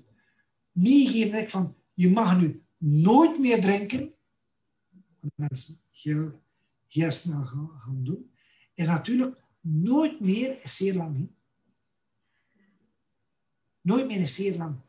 En dat overzien de mensen zo niet. Bij de AA ze dat verstandig aangepakt. He. Ze zeggen daarvan, drink vandaag niet. Maar dat morgen is, dat weet je niet. Dus eigenlijk is dag per dag. weet mensen die lang genoeg gaan naar de AA, week per week of maand per maand. Of, ja, het is mee, ja, wil ik daarmee zijn? Dag per dag van, ik kan vandaag niet drinken. Dat morgen is, dat weet ik niet. Dus als die drang om dan toch te drinken zou opkomen, kun je zeggen, ik heb me voorgenomen van vandaag niet te drinken. Misschien morgen. Maar zondag, zoals het zondag morgens wakker wordt, als het misschien, oeh, ben blij dat ik gisteren niet gedronken heb, want anders ging ik vandaag zo fris niet wakker worden. Ja? ja. Vandaag een dagje bij doen eigenlijk. Hele kleine stapjes in de nieuwe gewoonte. Voilà. En dat is, dat is zo belangrijk. In, maar dat zijn zo zaken dat, dat, dat er anders in de, bij mensen meegegeven wordt, jongen, jij mag nooit meer drinken en jij bent verslaafd. En dat is verdorie niet, zo gemakkelijk. En dat is niet zo gemakkelijk voor te aanvaarden van mensen. Jij mag nu nooit meer. Dan is het beter van deze stapjes eh, te zetten en kijken wat de mensen zelf de mogelijkheden dat ze in zich hebben om daaruit te geraken. En dan zie je van, uh, als je dan als ze bij zichzelf ook ontdekken van uh, van, dat is het daarom anders dan er veel zijn van, ja maar veel van de, van de mensen zijn niet gemotiveerd. Ja, veel mensen met een alcoholprobleem zijn niet gemotiveerd. Dan moet ik dat tegenspreken. Ja. De meeste mensen die bij mij komen, zijn gemotiveerd. Dat is misschien raar. Ik geloof niet dat alleen maar de gemotiveerden bij mij komen, dat geloof ik. Maar iedereen is gemotiveerd. Niet natuurlijk gemotiveerd om hetgeen te bereiken dat ik wil hebben dat ze zo bereiken. Ze zijn misschien wel gemotiveerd om hun om terug een goede huisvader te zijn. Ze zijn misschien wel gemotiveerd om uh, dat een partner zegt, ga niet zo verlaten. Ze zijn misschien wel gemotiveerd om voor een terug beter contact te hebben met hun kinderen. Dat is een serieuze motivatie. Wat zou er daarvoor nodig zijn om dat te bereiken? En dan zijn we terug. Misschien een beetje drinken. Of misschien een periode niet drinken. Enzovoort. Dus, ja, ik, ik ben ook... Ja, als je nog iets wil zeggen, mag je het zeggen hoor. Ah, maar ik wilde dus eigenlijk zeggen van... Uh, zeggen van dat die mensen niet gemotiveerd zijn, dat, is eigenlijk, dat klopt niet. Ja. Vanuit in ons model, iedereen is gemotiveerd, maar wij, is als hulpverlener, is het belangrijk voor na te gaan voor wat dat die mensen gemotiveerd zijn. En als je daarvan uitgaat, dan is die kans reëler dat die mensen niet krijgt. Dat en pas op, niet iedereen. Dat is ook een misverstand, vind ik. Van, uh, mensen denken toch heel snel, en dat is een beetje bij roken ook zo. Uh, en dat is soms nog een beetje meer aanvaarden zo van dat roken. Van, als je aan de hulpverlener zelf vraagt, van, weet je wat ook in de groep dat ik je vragen of in de opleiding van, uh, wie heeft er nog gerookt? Ze moeten een vinger niet opsteken van. En uh, wie is er nu gestopt met roken? Moet er voor ook je vinger niet opsteken, maar dat is al liever dan de mensen erop. Ik ben gestopt met roken. Vraag ik heel snel van, waar ben je ervoor uh, in begeleiding geweest? Of bij welke tabacoloog ben je daarvoor geweest? Of naar welke psychiater ben je nog geweest? Ja? Heel veel mensen die uh, uh, naar roken zitten, ik ben gestopt met roken. Terwijl een beetje met vallen opstaan geweest, maar van een paar pogingen nodig had. Maar ben ik toch al zoveel maanden of zoveel jaren gestopt met roken. Heel veel mensen minder nog stoppen ook zelf met drinken. Van alcohol. Hm. Ja? Vandaar, ik vind met dat in ons achterhoofd, is het juist zo belangrijk in onze begeleidingen, dat we werken met de kwaliteiten van de mensen. Van, er is nog niemand die gestopt is. Ik eh, ben 35 jaar met mensen met alcoholproblemen. Ik denk dat er nog niemand gestopt is, uh, uh, omdat ik dat vraag. En de meeste mensen stoppen omdat ze ontdekken bij zich, ja, ik zou beter stoppen. Of zou beter minder.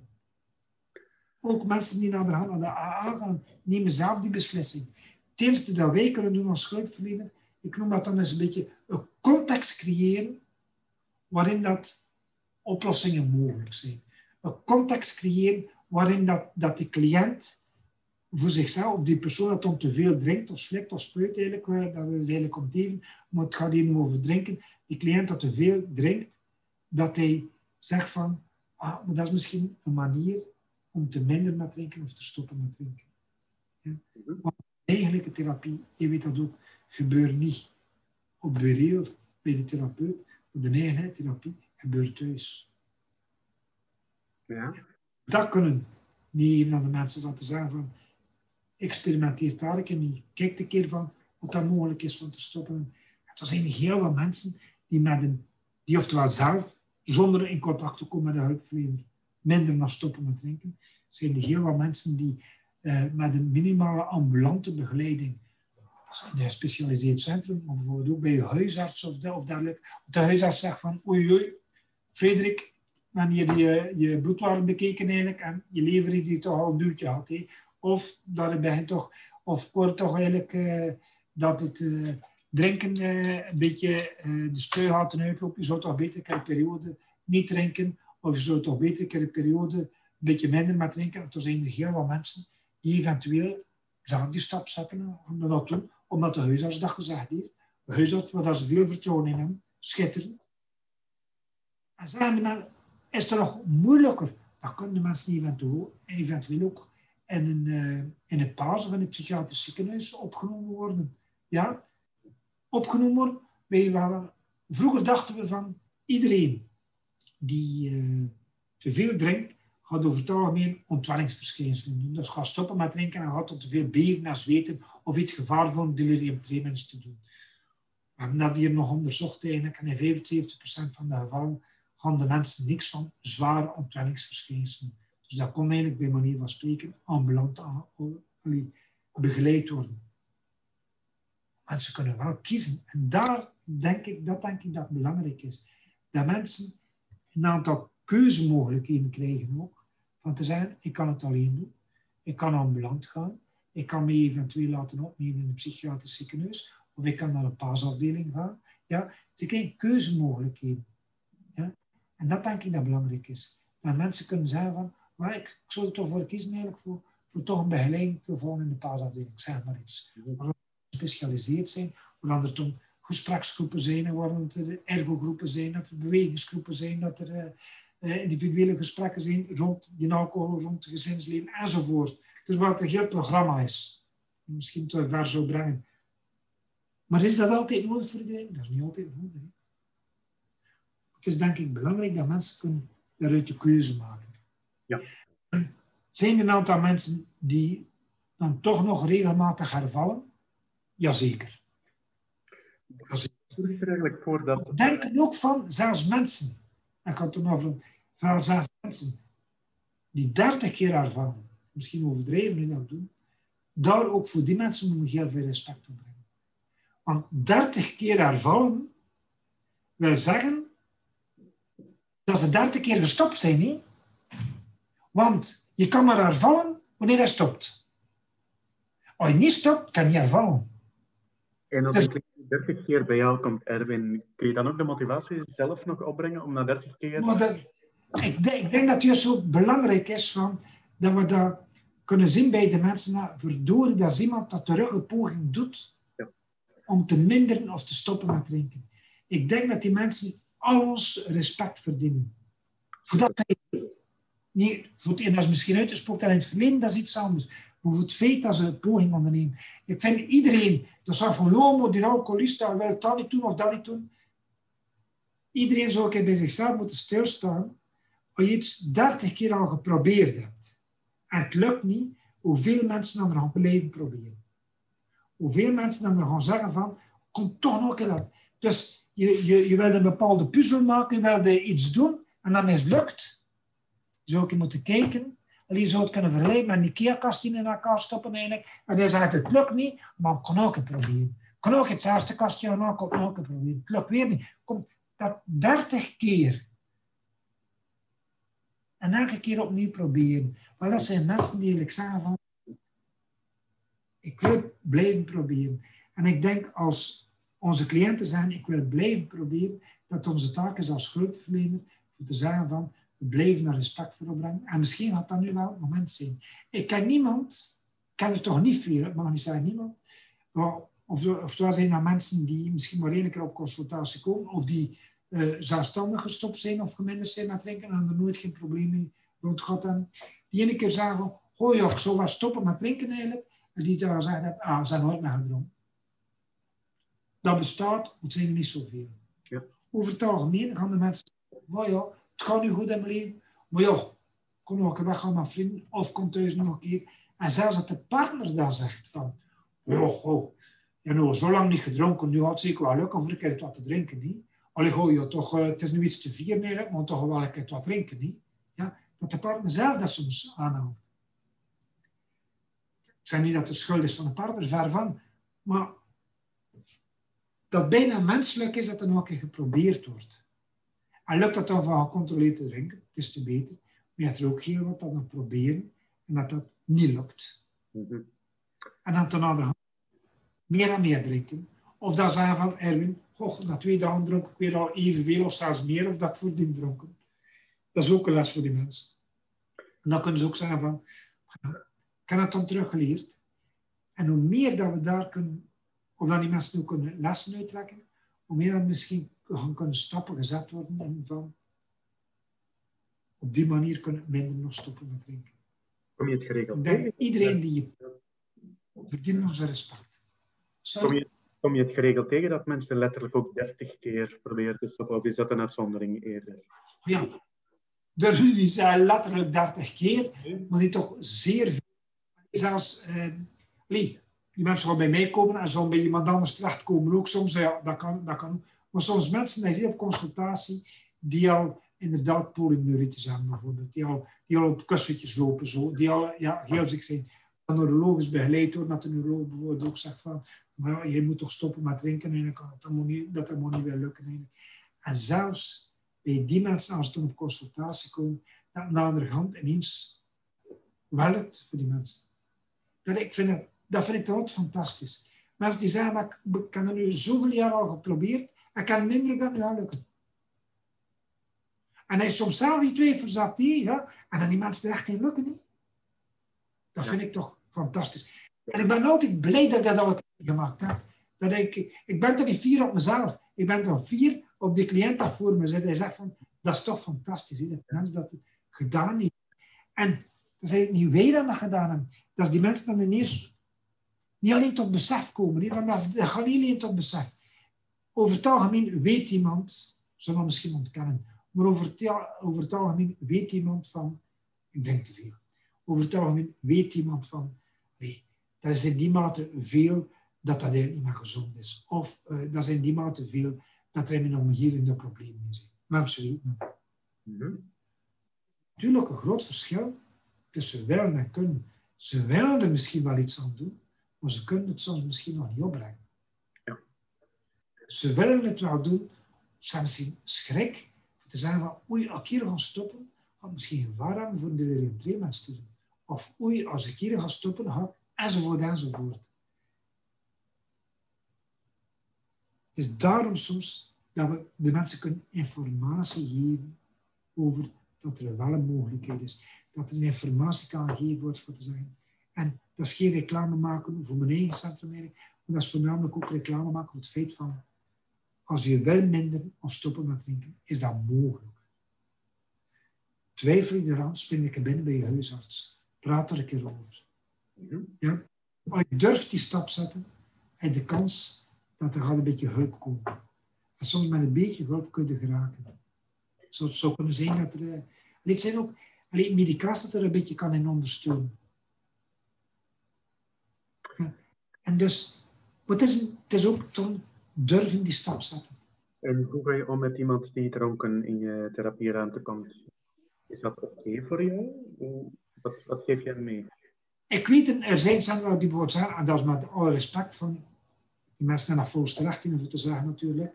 Uh, bij iemand dat uh, dronken is, dan zeg je, je kan niet in begeleiding komen. Ja? Maar daar heb ik het een beetje moeilijk mee. Met alle respect voor mensen die dat is een voorsterecht te zeggen, ik geef iemand dat gedronken heeft geen begeleiding. Maar als je alcoholgebruik en misbruik ziet als symptoomgedrag, als die mensen hun probleem. Kan er ook vergelijken met iemand die, uh, die uh, hartflutter heeft of die, die uh, regelmatig hartkloppingen heeft. Ja, en die daarom naar de cardioloog gaat. Ik kan nog niet veel cardiologen weten te zeggen van, ja, maar ja, uh, voor dat goed te kunnen onderzoeken is het belangrijk dat je op het moment dat je bij mij komt geen hartkloppingen hebt.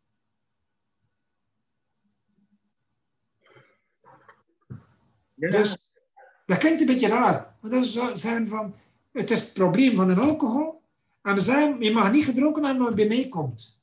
Ja, dat is natuurlijk, waarom drinken die mensen juist? Omdat ze juist misschien schrik hebben van naar die hulpverleners te gaan. Waarom drinken die mensen? Omdat ze dat gewoon zijn van te drinken als in een gespannen situatie. En naar een hulpverlener gaan, dat ze van haar nog, nog pluimen kennen eigenlijk. Naar een hulpverlener gaan, dat ze niet weet wat er dan gaat gebeuren. Dat geeft spanning voor de mensen. En over het algemeen onze spanning aan het drinken zijn. Moet zo kunnen zijn. Als die mensen, en je zou dat kunnen zeggen, kun je daarmee dan een goed gesprek doen?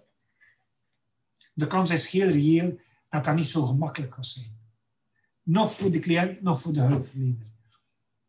Maar iemand dat bijvoorbeeld stopt met drinken, de dag voordat ze moet op consultatie komen, en, iemand, en dat is iemand dat bijvoorbeeld zeer sterk lichamelijk afhankelijk is. Maar als je een keer een gesprek gedaan hebt met iemand, zit te schudden en te beven voor je, maar iemand dat eigenlijk predelirant is, noemen we dan.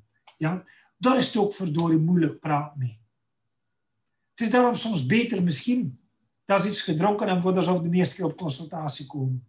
Ja? Want dan kun je gaan bekijken met de mensen van, en wat is nu je grootste schrik om te minderen of te stoppen? Alleen als ik s'morgens opstaan, dan zit ik te beven en te zweten. Ja? En dan beef ik in die mate, ik zeg niet dat bij allemaal zo is, maar dat, dat is een, bepaalde populatie, beef ik in die mate dat niet anders kan, of eerst een eh, glas alcohol drinken, en dan gaat dat beven over. Dan voel ik me beter. Die mensen zitten met een heel grote schrik van, als ik hier dus stoppen met, de, met of minder met drinken, ga ik hier de hele tijd zo beven, ga ik me de hele tijd zo slecht voelen. Maar die mensen krijgen al de informatie. En wat is goed dat je dat al meegeeft. Maar weet van, oftewel kun je de korte tijd voor opgenomen worden. Ja? En dan krijg je die begeleiding. En na een aantal dagen zijn die ontwenningsverschijnselen voorbij. Je krijgt die de geschikte medicatie op de afdeling. En na een aantal dagen is dat, is dat over. Ja? En je gaat naar huis zonder medicatie. Heel belangrijk. Of je neemt toch minimum contact op met je huisarts. Ja? En die huisarts kan eventueel zeggen, ah, du wil je poging ondernemen en wil een beetje te veel beven of zweet, kan die huisarts ook medicatie opschrijven. Wel met één restrictie natuurlijk. Het is beter niet van die medicatie in te nemen met alcohol. Het is dus niet zo van dat pilletje te nemen met een glas bier. Dat is niet aan te raden. Dat is af te raden. Anders, dat is een bepaalde medicatie. Uh, als je erop drinkt, dat verdubbelt of verdriedubbelt je, je, de werking van alcohol, bij manier van spreken. Dus dat is, mensen gaan nog meer suf zijn enzovoort. Dus dat is zeker niet aan te raden om te combineren. We willen het maar meegeven, die mensen kunnen daarin dan gerustgesteld worden.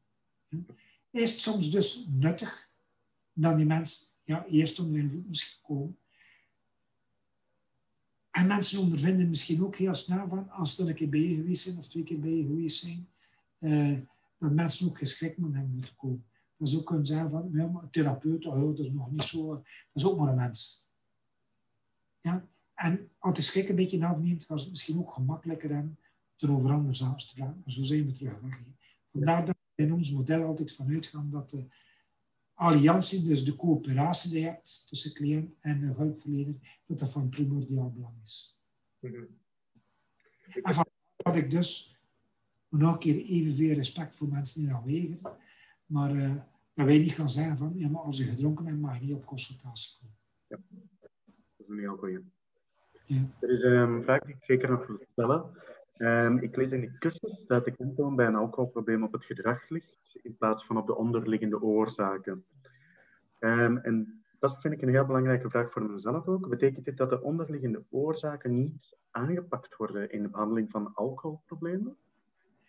Ik denk, dat is nu van, nee, je kan gaan zoeken, maar dat is natuurlijk in ons model dat dat anders bekeken wordt. Als je zegt in een systemisch model, van oplossingsgericht cognitief systemisch, in een systemisch model, gaan we niet uh, lineair gaan kijken van oorzaak-gevolg. Dus, want mensen denken van, ah, het wordt gedronken, wie zijn schuld is dat niet? Het wordt gedronken, uh, wat is de oorzaak? Bij een aantal mensen gaan misschien zeggen, ah, dat is hier een oorzaak. Daarmee is het niet opgelost. Bijvoorbeeld, um, iemand, zijn vader dronk ook, excessief. Ah, dat is dan de oorzaak. Maar ik kan heel wat mensen, waarbij dat de vader excessief dronk of gedronken heeft en dan nooit zwaar gedronken hebben. Ah, maar ik gaan kijken, uh, een, een, deeltje hoger in, in, het genogram. Ja, maar die persoon, zijn grootvader dronk veel. Het is een generatie overgeslaan. Dus de oorzaak dat die, dat die persoon veel drinkt, omdat dat uh, familiaal is, dat is een beetje genetisch. En daarom drinkt die man ook veel. Toch kan ik heel veel grootouders of ouders dan te veel gedronken hebben, dat, dat, uh, dat de kinderen niet veel drinken of niet drinken. Maar dat... het is een beetje van wat dat ook de oorzaak zou zijn. Je kunt zeggen van, allez, laat ons ervan uitgaan dat we zeggen van, het is ook voor een stuk bij bepaalde mensen genetisch bepaald. Maar dat is nog op gebied van hen geen uh, directe, dat wil niet zeggen van, er is geen enkel, maar geen enkele gen die, en de luisteraars konden er natuurlijk niet met beweging kunnen zien gebeuren, maar een gen die zegt van, dat zo doet. Dat je, dat je als cliënt zo verplicht. Ja, maar je bent dus... is geen enkele gen dat je doet de beweging maken van je glas naar je mond te nemen. Daar is er geen enkele gen Dus dat er misschien wel iets is dat je gevoeligheid, en dat geloof ik wel, dat de gevoeligheid maar... op het gebied van alcohol hoger ligt dan bij iemand anders, dat zou heel goed kunnen zijn. En dat kan misschien wel zo zijn ook.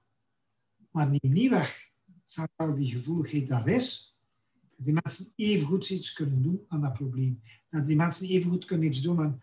Maar anders, hoe meer dat we zoeken van wie is er hier nu de schuld, hoe meer dat is een beetje het systeem van, van die man dat zegt van uh, ja maar uh, het is de schuld van mijn partner, moest ze zijn minder lastig zijn en ik zou ook niet drinken. En die partner gaat weg, doordat mijn partner me verlaten heeft, dus daarom maar te veel drinken.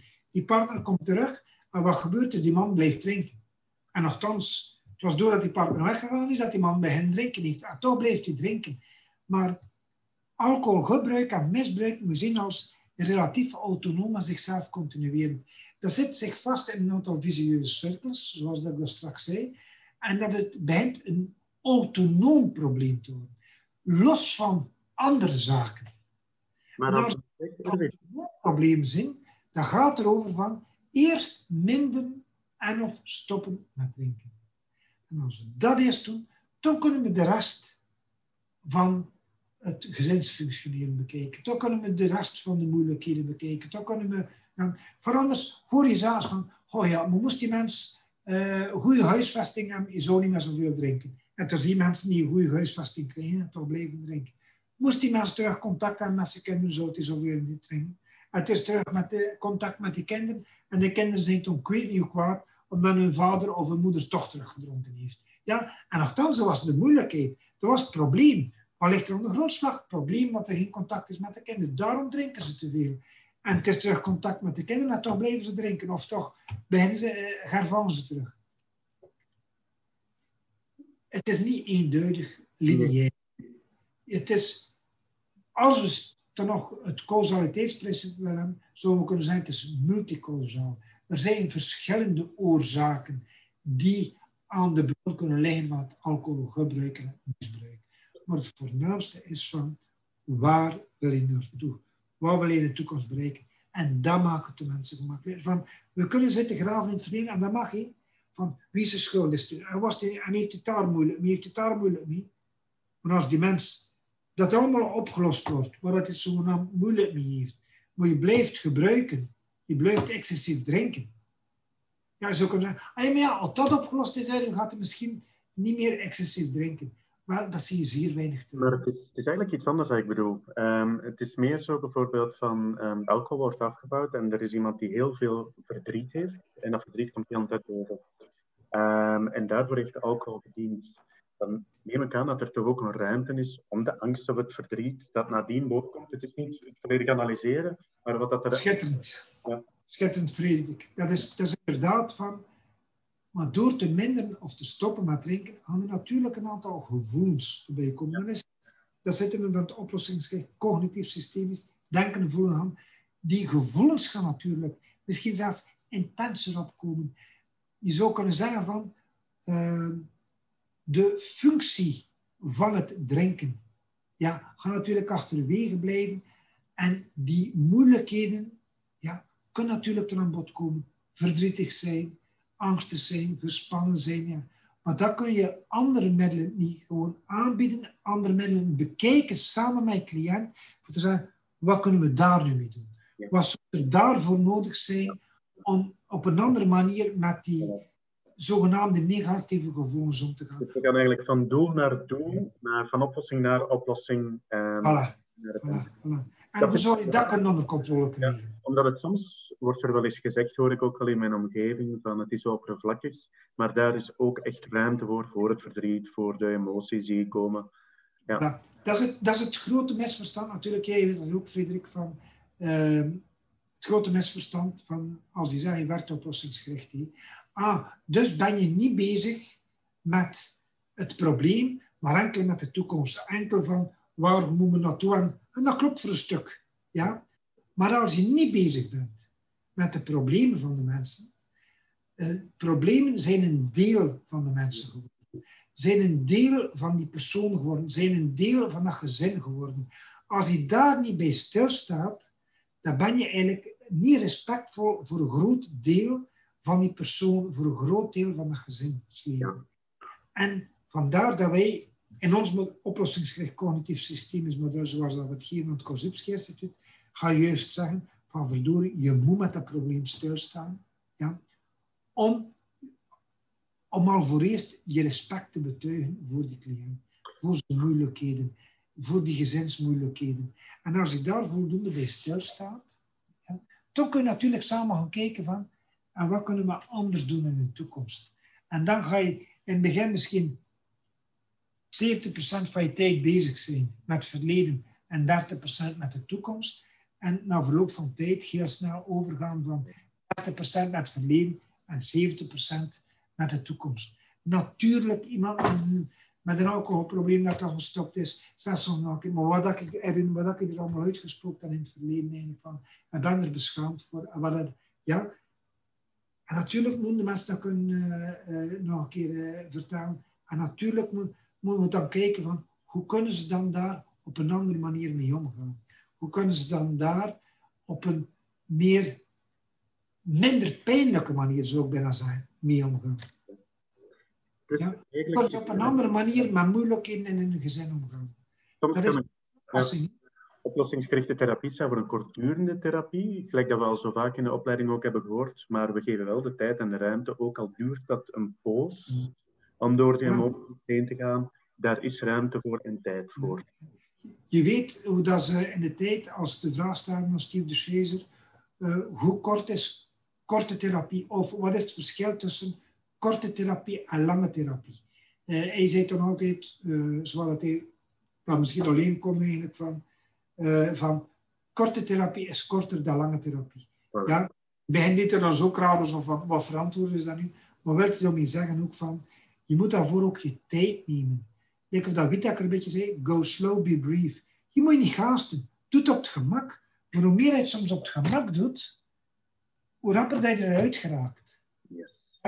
En je moet ook mensen de kans geven van eruit te geraken. Ik kan mensen voor de rest van hun leven in begeleiding nemen. Of ik kan mensen al zover krijgen eigenlijk van, of al ik zover krijgen, die mensen zijn al zover, dat ze zeggen, we hebben de, uh, nu genoeg mijn resources ontdekt, mijn eigen mogelijkheden ontdekt, de resources zelfs van het gezin, de autopoëtische mechanismen, de zelfsturende mechanismen in het gezin ontdekt, men dat er zodanig bij stilgestaan, dat is eigenlijk voldoende. Wij zijn vertrokken. Ja. Dat is het grote verschil. Maar we gaan dat niet moeten gaan zijn. We moeten die mensen nu in begeleiding houden. Die mensen zijn gelanceerd. Maar als die mensen er nu voor kiezen, dat ze zeggen, Erwin, ik blijf er deugd van hebben, van twee keer in de week mijn groep te volgen bij de AA, bij de anonieme alcoholist. En ik kan daar deugd van. Mm Zullen we dat niet stimuleren? Dat is ah, schitterend. Als dat je kan helpen, waarom niet? Moet dat? Een aantal mensen gaan daar niet voor gaan. Ja? Uh, ja, dan doen die mensen dat op een andere manier. Maar ik denk dat het zeer belangrijk is dat ook als hulpverlening zeer veel respect moeten opbrengen voor het goede dat ze bereikt hebben en nog steeds bereiken elke dag met de AA-groepen.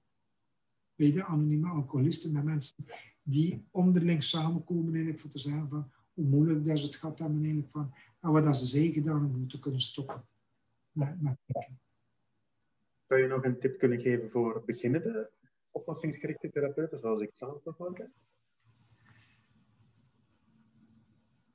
Mag ik een heel eenvoudige tip geven? Graag. Dat is het meest simpel, lijkt mij. De tip doorgeven die Lucie Baart mij doorgegeven heeft. Voor beginnende therapeuten. Ja? Zie je mensen graag. Dat is een heel schoon antwoord. Zie je mensen graag.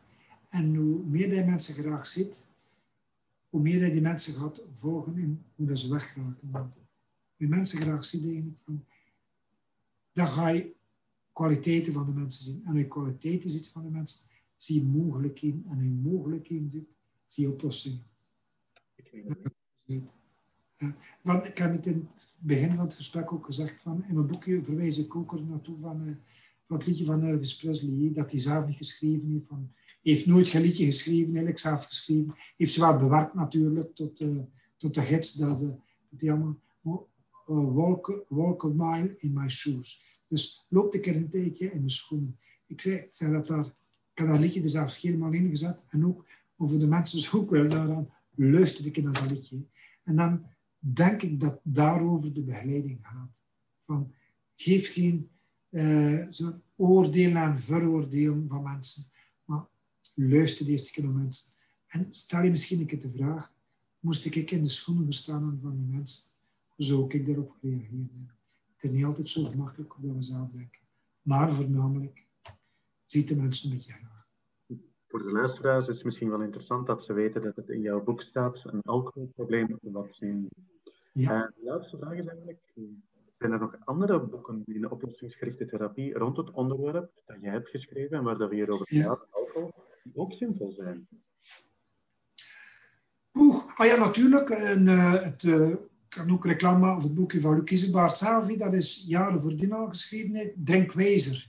De Drinkwijzer, dat uh, gaat hij ook een aantal heel eenvoudige zaken aan eigenlijk. Van, en staat hij op, zo, op een ludieke manier stil bij de type drinkers. Van bijvoorbeeld, hij, spreekt ervan de, de dronkenlap. dat is de type de dronkenlap. Of de de, de